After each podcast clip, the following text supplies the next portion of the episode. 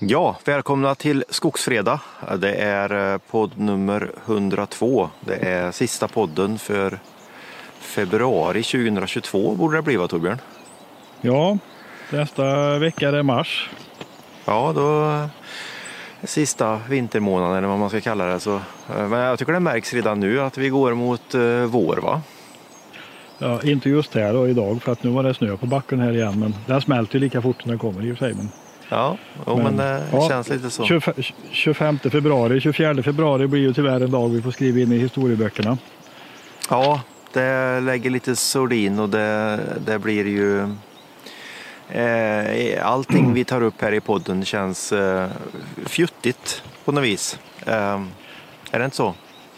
Jo, Efter vad men som har hänt det. i Ukraina. Ja, invasionen där med full kraft. Liksom ett, ett land som, eh, där folk gick till jobbet som vanligt i förrgår och igår så eh, har de ryssarna invaderande. Ja, det är, det är djupt Det är tragiskt. Är det. Ja, det är tragiskt och det är, det är liksom så abstrakt på något sätt. Det är lite svårt att föreställa sig. Man ser ju bilder och video och annat liksom från folk som flyr därifrån och folk som får gömma sig och, och militärer och tanks som kör runt på gatorna i liksom miljonstad. Mm. Det är, det är helt, helt barockt. Det är helt befängt. Fruktansvärt. Fruktansvärt. Det är bra sammanfattat tror jag. Ja. Så ja, men det här blir väl en liten speciell podd därav. För, för det, det var ju som vi sa att dels så kan vi liksom inte prata om eh, de här normala sakerna utan att det ligger som en, eh, en sordi över alltihop. Det blir liksom fjuttigt att prata om eh, vrakprocent på massaved och så vidare. Eh, just nu Jo, känns det men som. lite så eh, Ja, känns det faktiskt. ja, Samtidigt så eh, är ju det här någonting som påverkar. Nu påverkar det ju folk som bor i Ukraina givetvis fruktansvärt mycket. Och det påverkar Ja. säkert uh, ryssar också som inte sympatiserar med det här. Det var ju ganska stora demonstrationer i Ryssland igår. Förvånansvärt mycket eh, ja. som var igång. Då. Nej men så är det väl. Jag gissar att det finns eh, jättemånga ryssar som eh, tycker det här är eh, likt oss är vansinne. Ja, Så är det ju säkert. väs, väsnas det. Det kommer en traktor och kör, kör bort snön som föll i Ja, natt och morse. här. Det är en stor case med blad fram här som kommer och ja precis. danar förbi. Nej men vi har ju vi har diskuterat kriget eh, eh, sedan igår på Skogsforum eh, i en tråd. Ja. Och eh, där eh, eh, ja, tar vi väl upp en hel del nyheter och reflektioner och vad man tycker och tänker. Men eh, någonting som vi kokar ner det till som, som känns ändå liksom relevant att ta i all den här misär, eh, det är ju just vad som kommer hända. Eh, och kanske främst med ett skogligt perspektiv just när vi har ett krig i Europa. Ja, och, och bo- både kriget i sig men även sanktionerna som riktas mot Ryssland nu av, av rättfärdiga skäl kommer ju att påverka Mm. Skogs och träindustrin alldeles säkert, precis som mycket annat. va? Ja. Det är ju så att eh, väldigt mycket skivmaterial kommer från eh, Ryssland som, där det nu helt plötsligt kan bli sanktioner va? Det kan vara en ganska stor sannolikhet att det blir så kanske. För de är stora tillverkare OSB-skivor framförallt. Mycket OSB-skivor som köps här i Sverige kommer från Ryssland. Och eh, vill, man själv rösta med fötterna att inte gy- gynna rys, ryska marknaden så kan man ju välja något annat. Då. Men eh, det kan ju vara så att det blir sanktioner också. Spånskivor tillverkar de mycket. De har mycket. Mm. Jag skulle gissa att Ikea har en del, eh, jag vet inte om de har industri i Ryssland men de har ju definitivt råvaruförsörjning därifrån. De sitter säkert Ja. och funderar över hur de ska Ja, och sen så, sen så har du väl hela fabriker i Ryssland som eh, finns bara för Ikea. Är det inte så? De äger ja, inte kan vara. fabrikerna men de, Nej. De tillverkar Så kan det OEM. vara. Jag är dåligt, dåligt insatt i det. Men helt klart har de råvara därifrån. För de har ju, det händer ju med jämna mellanrum att eh, eh, ja, hållbarheten i de här materialen från ryska skogar och nu även från ukrainska skogar har också varit ifrågasatt. Mm. Eh, Men sen har de butiker. Kommer de ha butikerna kvar i Ryssland? H&M skulle stänga ner i Ukraina nu när det är krig. Kommer de ha sina butiker kvar i Ryssland? Kommer Ikea ha butikerna kvar i Ryssland? Ja. Vad händer liksom med Ryssland överhuvudtaget? Kan Ja. de lyckas peta ner Putin från pinnen och komma tillbaka till någon slags sansad världsordning eller är det det här vi ska leva med framöver? Nej, men i, all, i, i rimlighetens namn så borde det ju faktiskt, det är ju det man måste sträva efter och det är det som är önskvärt. Jag menar att vi, vi alla är kompisar. Ja. Eh, krasst sett alltså. Så Ja, vi är ju människor allihop oavsett om vi bor i Ryssland eller Ukraina eller i Sverige eller någon Ja, annanstans ja. så har vi ungefär samma mänskliga behov. va? Ja men självklart. Ja, men jag är ju ingen eh, personligen har jag inget, inget agg emot att jag skulle vilja stänga av Ryssland med 100% sanktioner för det skulle ju påverka jättemånga människor som, som är som dig och mig i Ryssland. Ja. Det är klart att inte det är bra. Nej. Så det, men eh, vad som kommer hända det får, vi väl, det får vi väl helt enkelt se. ja, det får vi göra. Jag tycker det som är oroväckande är att eh, Putin verkar ju ha stöd ifrån Kina och det är ju inte alls bra. Nej, Det det är det, saker- är inte bra. Ännu värre. Ja precis, det är ju tankar man knappt vågar gå till eh, idag. Nej.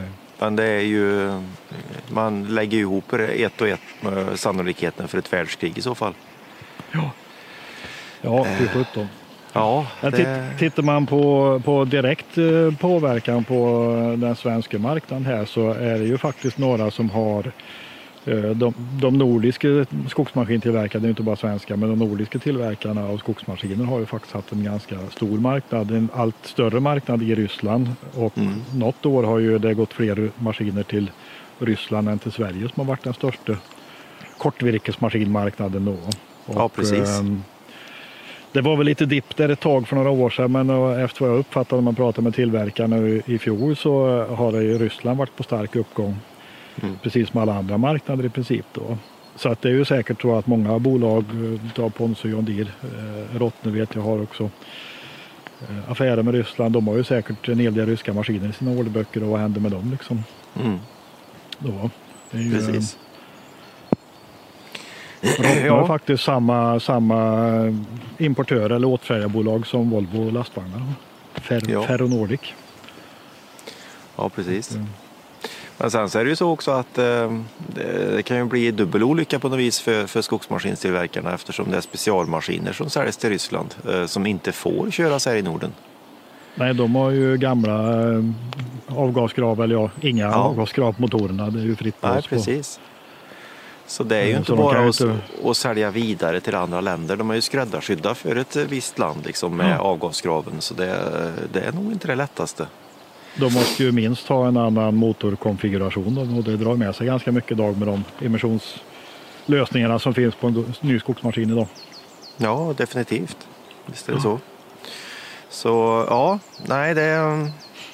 Det är väl världsliga saker i det stora hela. I det mänskliga lidandet så blir det också lite futtigt ändå. Men, men om man ska lyfta upp någonting som Ja, påverkar så, eh, så, så är det ju en direktpåverkan där helt klart. ja direktpåverkan är ju också att vi har sett eh, eh, redan, ja det kommer ju som ett brev på posten, men eh, höjda energipriser. Ja. Rejält höjda priser på diesel och bensin. Eh, ja, jag tänkte jag skulle tanka bilen igår men det, det blev inte så av olika skäl. Och nu är det 70 öre dyrare idag eller något. Då. ja, jag vet inte. Jag var iväg igår faktiskt. Eh, Ja, ja, du gjorde det. 20 och Men, eh, 70 tankar för eh, litern. Ja. Men det var med lite rabatt. Jag har ett sånt här kort på Volvo. Ja. Så det vet jag inte. Jag kan kolla vad det... Ja, det märks ju snart igen. Preem gick ut igår och sa att de kommer inte ta in något, eh, någon rysk eh, olja och raffinera i Lysekil utan det kommer att komma från andra håll. Ja, ja, precis. Nej, men det, det det är nog ett ganska effektivt sätt att, att, att sanktionera. Eh, Det var någon som sa det att Ryssland är ju väldigt enkel, en väldigt enkel ekonomi för det är olja och gas och sen så är det ingenting mer. Ja. Så det, det gör det väl ganska enkelt i sanktionshänseende gissar jag då. Ja, det gör det. Eh, Samtidigt det gör det svårt för de som är beroende av ryska oljan och gasen. Och det är ganska många i Europa som är det tyvärr. Både för Ja, precis. värme, matlagning och el så behövs det. Och det är ju, annars hade det nog varit. Men eh, det finns, nu finns det ju extremt många skäl att göra sig oberoende av rysk olja och gas. Det är nog många som har insett det. Ja, och sen så har du ju en sak till som blir lite bisarr kanske, men du har vi har ju pratat om det eh, tidigare eh, på Skogsforum och det har varit eh, tio år säkert att eh, diesel och bensin eh, ska bort. Ja, Eh, och eh, det är el som gäller om vi pratar bilar i alla fall och troligtvis Ja. fler, fler fordon också som, som kommer. ja. Ja, det kommer. Så det, och det var ju faktiskt en poddare här idag som satsar på el. Ja. Eh, vem är det? Ja, Nu blir, jag, nu blir jag outad här på... ja du ju outad. Ja, men det, det, kan, det kan vi leva med va? Ja, jag kan väl leva med det. Ja. Ja. Nej, men jag har beställt en, en elbil för att... Jag har ju suttit och räknat, gjort kalkyler och se hur det ser ut. Liksom, och det går inte att få ihop en dieselbil idag. Nej, Eller bensinare heller för den delen. Ska Om man, man kör lite grann så går inte det. Nej. Ska att, man eh, byta bil idag så håller ju inte kalkylen för bensin och diesel. Så enkelt Nej. är det ju. Och jag hade ju tänkt att eh, jag skulle köra min gamla bil. Den har ju fyra år på nacken eller något. Eh, att nu kör jag slut på den och så väntar jag till att se vad som händer. Men det går ju inte att få ihop den kalkylen heller. Köra, köra slut på en gammal bil jämfört med att skaffa en ny Nej, elbil då som det ser ut idag. Då. Nej precis. Sen eh, i Sverige är vi ju lyckligt lottade för vi gör elströmmen på förnybara källor i väldigt stor omfattning eller kärnkraft. Då. Ja, Men eh, tittar man på Östeuropa så görs ju elen också av kol eller gas eller olja då, mm. i stor omfattning ja. idag. ja Ja, visst. nej, men om man skulle titta på någonting annat som har hänt veckan som har gått där innan, eh, eller ja, ut, utöver krisen som är, eller kriget som är i Ukraina då, så det, det kom faktiskt en intressant sak idag. Det var att eh, Stora Enso har gjort en eh, avsiktsförklaring med Northvolt att sälja Kvarnsvedens bruk till dem. Ja, Det är ju Det- ganska intressant. ja. Det är ju... Det borde vara hejarop i Dalarna. Skulle jag Det tro. tror jag att det är. Ja. Jag tror att Borlä- Borlänge gjorde vågen eh, när de fick det här beskedet. Nu är inte affären klar kan man väl eh, säga och lägga till då, men eh, det finns väl mycket som tyder på att det där kommer att gå i lås. Stora Enso behöver inte anläggningen längre och Northvolt kan ha jättebra nytta av Ja. infrastrukturen som finns. Det var ju ett sånt här TP, TMP-bruk, ett mekaniskt, som, som förbrukar hur mycket elström som helst. Att det är Ja, kraftiga herregud. kraftledningar fram dit. Det är ju ledningar in som i en kubiktall där vet du. Ja, det är ju liksom förnybar el direkt från Dalälven. Det är ju lokalproducerade batterier. Ja. Lokalladdade batterier. Jo, nej, så det, det är nog eh, helrätt. Och eh, jag tycker att det är kul. Det, Ja, men det är lite symptomatiskt. Det är ju den nya tidens, eh, törs man väl inte säga den nya ekonomin för det har använts en gång inför, förra sek- eller inför sekelskiftet. Här. Det gick ju inte så bra. Men, men, ehm, och, och tittar man på det så, så säger Northvolt att de räknar med att det kan bli upp mot tusen anställda som kommer att Mm. jobba där. Och det är Kvarnsveden hade, jättekul för regionen. ja, de hade drygt 400 när de la ner så att det är ju en fördubbling mot vad de hade då. Så det är Ja. ett jättelyft. Ja, ja, verkligen. Eh, Jag läste i nyheten så stod det någonting att eh, Northvolt eh, inte ville ta i tång med själva sodapannan så den var, låg i något eget projekt. Läste du det? Ja, nej, det såg jag inte. Men finns det en sodapanna i Kvarnsveden då? Ja, tydligen gjorde det. Jaha, ja, ja, okej. Kanske går- Men det kan väl göra batterier utav lignin, gör det inte det? Man koka fram lite lignin där? Ja, kanske. Det Ja, kanske är det de ska göra. Det är kanske det Stora Enso har för avsikt. Det kanske, Ja. de, så- de sålde köpa inte det. sodapannan. Skitbilligt bara de gör, gör batterierna av trä. Ja, jag vet aldrig. Nej. Nej, vi får se. Det blir spännande. Sen var det en annan faktiskt industri. eh, Ja, det var väl ingen nyhet i sig idag kanske, men ehm, i Finland så satsar Stora Enso på, ja, de har dragit igång en förstudie de gjort för ett kartongbruk i Uleåborg. Heter det Mm. det på svenska? Olu är det samma som Uleåborg va? Jag tror det. Jag tror det. Jag är dålig. Ni får ursäkta mig om det är någon finskspråkig eller finlandssvensk som lyssnar här om vi blandar ihop begreppen. Men, men, Nej, jag tror inte du gör det där. Jag tror det stämmer. Nej. Där, eh, där har de lagt en förstudie på att göra ett kartongbruk. Det är väl något liknande där Billerud Korsnäs byggde i Grums bredvid dig där någonstans. Mm. Misstänker jag. Och eh, det var väl det de hade haft planer på i Skoghall men som nu hamnar i Finland istället om jag fattar det rätt då. Ja, enligt han som skrev på Skogsforum så var det ju så va? Ja, det var, eh, vi hade en ny medlem som kom in som skrev om det här idag som verkar vara insatt. Och han skrev också att eh, det här bruket kommer till väldigt stor del baseras på importerad kortmassa. Kortmassa, alltså pappersmassa som kommer med båt. Eller kommer importerat. Ifrån- Sydamerika? i- Sydamerika. Mm. Eh, Och han skrev också att eh, det finns inga direkt konkurrensfördelar för långfibern idag för man kan göra väldigt bra kartong på kortmassan och den är billigare. Ja, det är ju lite... vad säger man om det? Det eh, förändrar ju hela magnetkompassen på något vis i så fall. Ja, det? eh, det är nog viktigt för industribolagen att ha med sig det framöver för att eh, det kan ju rita om spelplanen. Problemet med massabruken som är att det är väldigt tunga investeringar som är svåra liksom att Ja, när man väl har investerat massabruk så vill man köra det så mycket man kan och så länge man kan för att Mm. få valuta för pengarna, Ja. kapitalet. Eh, Så Precis. det är svårt att göra något annat. Men, eh, nej, men vi, vi har sagt det förut, alltså skivindustri, OSB-industri i Sverige och speciellt om man börjar strypa åt Rysslands flöde av eh, skivor så kanske det är ännu större möjligheter att se på den marknaden här. Ja, den som blir först med en skivindustri i Sverige eh, värd namnet, den kommer nog att göra pengar tror jag. Ja, en ny skivindustri, en, ski, en industri som kan göra bygg, eh, byggmaterial. Alltså OSB är ju jättebra för det har ju till Ja, ja, men det tror jag. Jag tror att eh, ska vi prata skivindustri så är det väl nästan idag OSB som gäller. det tror jag. Det går ju att spånskivor också men eh, Om man inte, inte det den stora bulken alltså i volymen. För det, då har du lite Ikea-kök och lite någon byrå liksom. Men OSB det är ju liksom hela hus. Höghus. ja. Det är ju, Jo, men det- volymen det- är mycket större. Det- finns en OSB-marknaden växer snabbt. Spånskivemarknaden är, stor, är större totalt globalt sett än vad OSB är. Den är mycket större men eh, OSB växer snabbt. Ja. Och den växer i byggandet då, som, eh, eh, som är ju spännande. Och det är bara att se på den svenska marknaden. Hur mycket, när köpt, vad, köpte du senast? En spånskiva eller en OSB-skiva? Nej, det var ju OSB. Ja, det är samma här. Men eh, det är väl eh, lite också kanske vad man, eh, vad man, vad man håller på med. Men när vi, pratar, vi, har, vi har varit kanske ett fokus på bygg också då.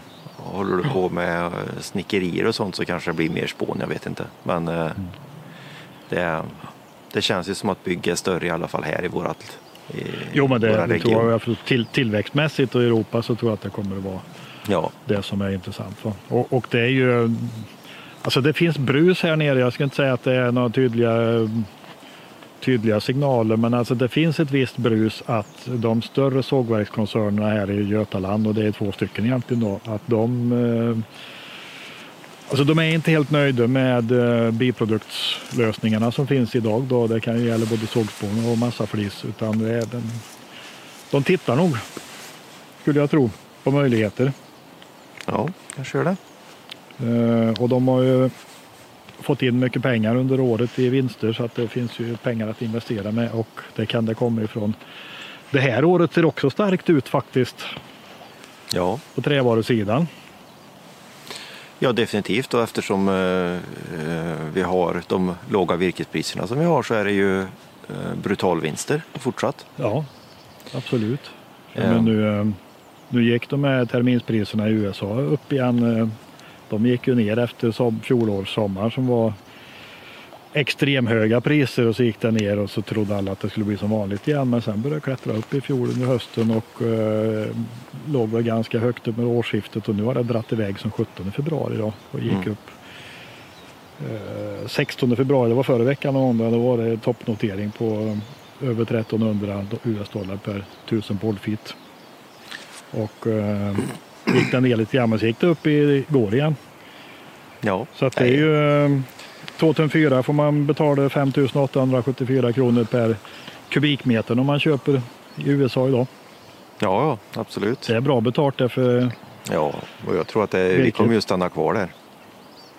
ja, någonstans i det här i alla fall. Det kommer inte bottna ut. Så att det kommer Nej. att bli fina vinster för sågverken och stora investeringsmöjligheter. Så att eh, är det någon gång man ska satsa på skivfabrik så är det nog nu. Ja, är det någon gång som man som skogsägare ska hålla på virket så är det nog nu. Ja, det, Det, det har jag hört förut någonstans. Vem är det Ja. säga det? Precis, visst är det så. Nej men eh, som sagt, vi, vi pratar om nu, eh, nu pratar vi om eh, de här världsliga tingen. Det, lite, det känns lite svårt idag, men vi gör det ändå. Och, Ja. det är väldigt kul för folk ringer till oss och, eh, och vill oftast vara anonyma, liksom, att de, de är rädda för att eh, det ska komma ut att, eh, att det är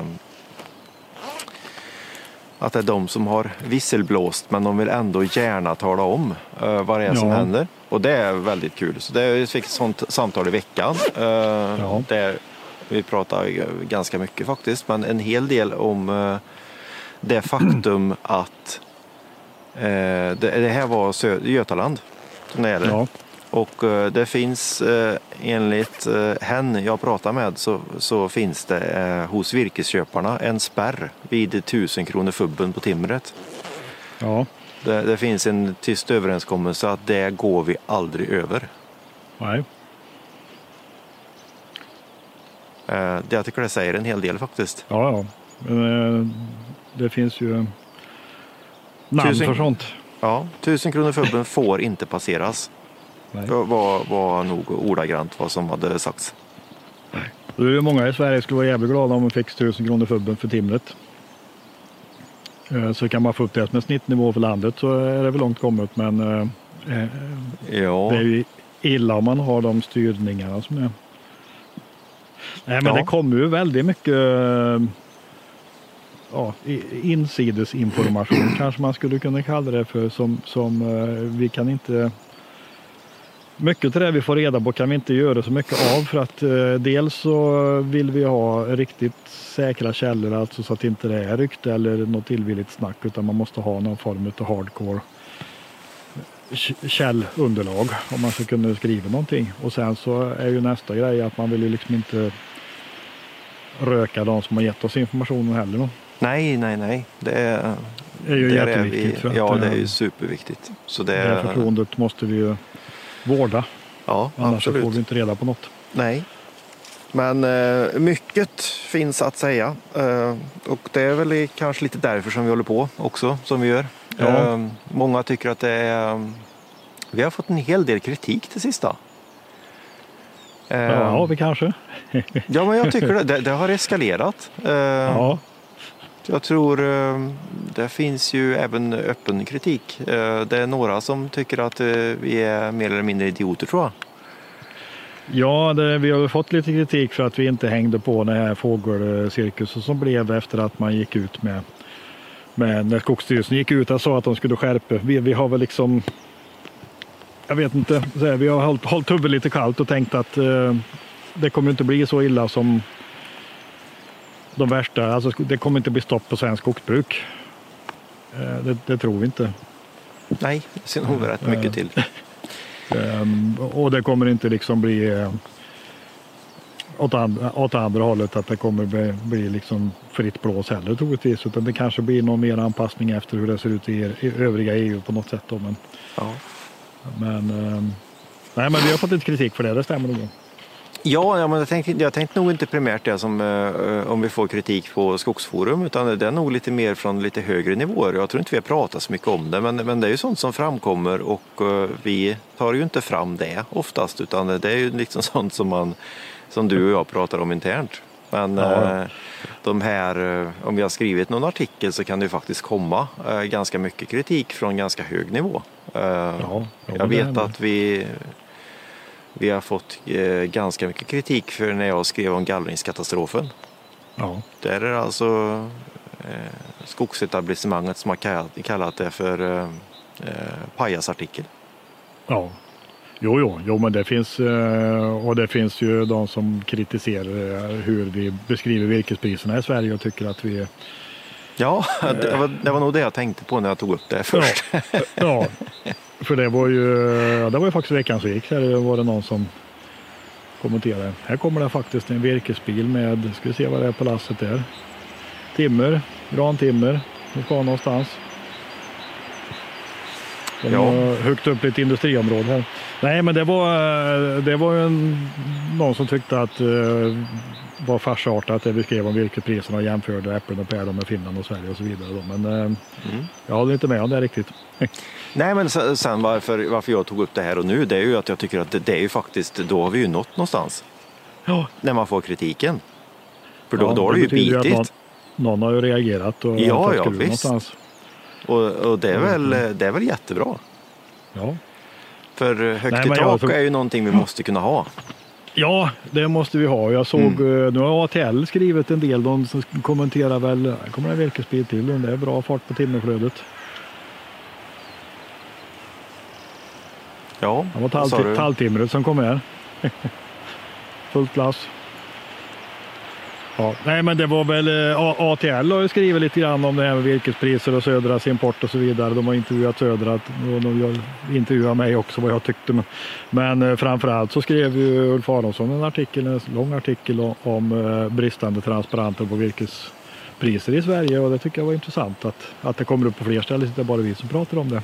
Ja, visst. Och, och det var ju en tydlig passning mot skogsägarna. Skogsägarna har en viss makt i frågan om man vill driva fram det här via biometria så kan man göra det, men det görs inte idag då. Nej. Och även att Skogsstyrelsen kan ta eh, en större position här för att se till att få fram prisstatistik. Ehm. Ja. Men det är lätt att, lätt att skjuta budbäraren. Ja, ja visst. Ja, men det är jätteviktigt. Jag tror att det är jätteviktigt att det kommer upp till ytan. Ja. Uh, och det var ju också ganska intressant. Det var någon som satte det i relation på Twitter och, och under veckan också och skrev att uh, ja, du får du rätta mig om jag har fel. Jag kommer inte ihåg ordagrant för nu kör jag från höften här. Men uh, om virkesmarknaden, den dysfunktionella virkesmarknaden, om det om den orsakar mer förluster för skogsägaren än ett fågeldirektiv?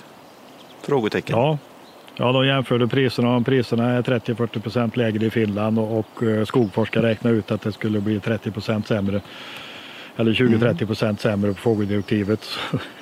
var det någon som skrev att, att den dysfunktionella virkesmarken orsakar större skador än vad fågeldirektivet gör. Så var det ja. ungefär formulerat. Ja.